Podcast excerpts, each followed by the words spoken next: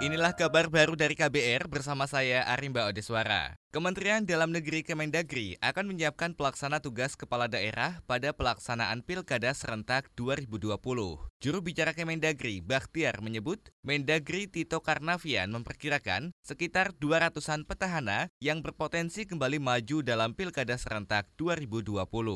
Saya kira itu menjadi antisipasi kita sejak awal. Saya kira kalau memang itu akan terjadi, pasti kan harus menyiapkan sumber daya manusia kan. Nah di daerah kan banyak, di provinsi itu kepala dinasnya 40, Pilkada ada juga paling 4 5. Juru bicara Kemendagri Bahtiar menambahkan, pelaksana tugas gubernur nantinya diisi pejabat tinggi media, kemudian untuk pelaksana tugas bupati atau wali kota diisi oleh pejabat eselon 2. Bahtiar juga tak menampik jika nantinya kursi pelaksana tugas diisi oleh pejabat dari unsur Polri maupun TNI. Sebanyak 270 daerah yang akan menyelenggarakan pilkada serentak tahun 2020.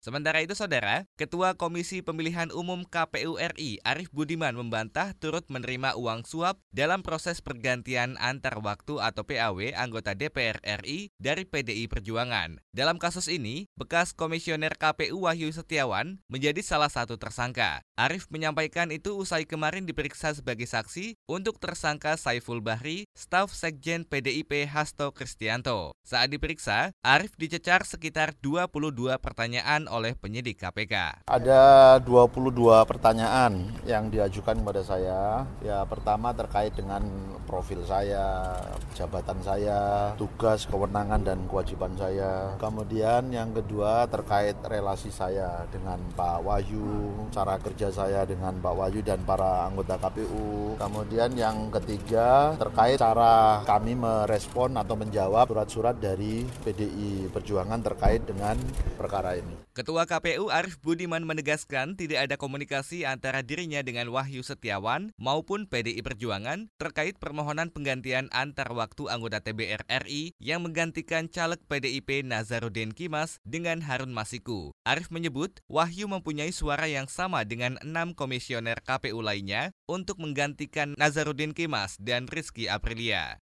Kita beralih ke Solo, Saudara. Balai Pengelolaan Daerah Aliran Sungai Solo membelokkan aliran Sungai Gandong di Kabupaten Magetan, Jawa Timur untuk mencegah longsor di bantaran sungai yang sempat ambrol. Pejabat di Dinas Pekerjaan Umum dan Penataan Ruang Kabupaten Magetan, Yulika Iswahyudi mengatakan, pembelokan air sungai dilakukan dengan mengeruk bagian utara Sungai Solo agar aliran air sungai lurus dan tidak membelok pada bagian bantaran yang longsor. Terkait dengan penataan alur sungai yang awalnya mendekati titik longsor, kita jauhkan, kita belokkan ke lokasi yang jauh dari titik longsor. Nah ini nanti kita upayakan alir itu digeser ke utara utara ya, tidak mepet ke yang selatan. Nanti ada kegiatan fisik permanen tindak lanjut dari normalisasi ini. Nanti ada kegiatan darurat bronjong di situ. Berapa panjangnya 50 meter ada itu.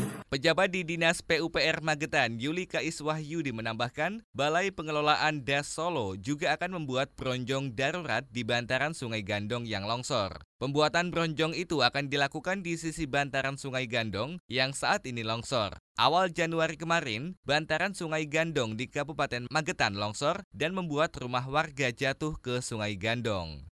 Kita beralih ke informasi mancanegara. Pemerintah Hong Kong akan menutup empat perbatasan darat dan dua perbatasan laut dengan Cina sementara waktu, menyusul penyebaran virus corona Wuhan yang kian memburuk. Pemimpin eksekutif Hong Kong, Carrie Lam, menyatakan Hong Kong juga menyetop pemberian izin perjalanan bagi warga Cina ke wilayahnya. Penutupan perbatasan itu akan dimulai pada Kamis 30 Januari 2020 sampai pemberitahuan lebih lanjut. Selain itu, Hong Kong juga akan menyetop 50% penerbangan dari daratan Cina.